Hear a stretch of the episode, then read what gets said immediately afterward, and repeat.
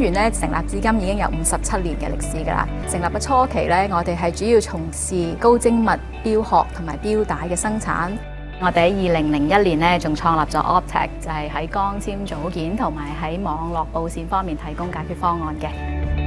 我哋呢個 T Box 其實係用沙盒嘅一個概念啦，提醒香港企業係可以喺佢自己業務雖然好成功，係可以再諗一啲新出路、一啲新嘅升級轉型嘅方案。四月嘅時候啦，疫情仲係比較嚴重嘅，咁我就一路喺度諗緊，究竟點樣可以幫佢公司做一個升級轉型啦？咁我就上網查資料啦，咁就好機緣巧合之下咧，就見到某法局嘅 T-box，咁我好奇之下咧就填咗一張 form 啦喺個 website 度，咁我就冇 expect，原來第二日咧有個同事咧 call 我啊，因為 follow up 我哋嘅公司嘅需要。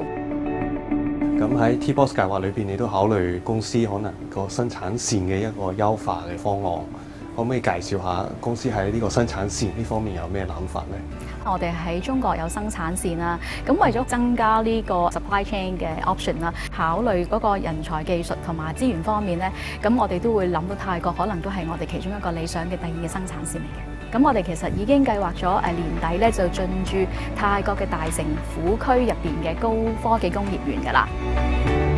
喺泰國方面咧，貿發局嘅同事點樣幫到手咧？由我哋策劃開始啦，同事咧就俾咗好多當地資料，譬如租金啊、廠房啊，俾我哋去 compare 下，我哋係咪揾到個啱嘅地方嘅？當後咧亦都介紹我哋去認識泰國香港駐港嘅總領事啦。泰國駐港總領事咧仲好細心咁介紹泰國一啲诶地理環境啊、一啲投資趨勢啊。咁往後咧其實都打開個門道俾我哋咧，幫我哋睇下點樣可以順利申請一啲工作簽證啊，或者而家喺疫情方面咧。去協助揾一啲泰國嘅銀行咧，可以喺一啲網上誒做一啲認證。咁其實 Tbox 咧就幫咗我好多，因為咧佢會介紹好多當地嘅商會啦，例如香港泰國總商會啊，我哋會識到好多關於當地環境啊，同埋外資優惠嘅計劃。咁其實呢啲都係有助我哋去挖掘商機啦。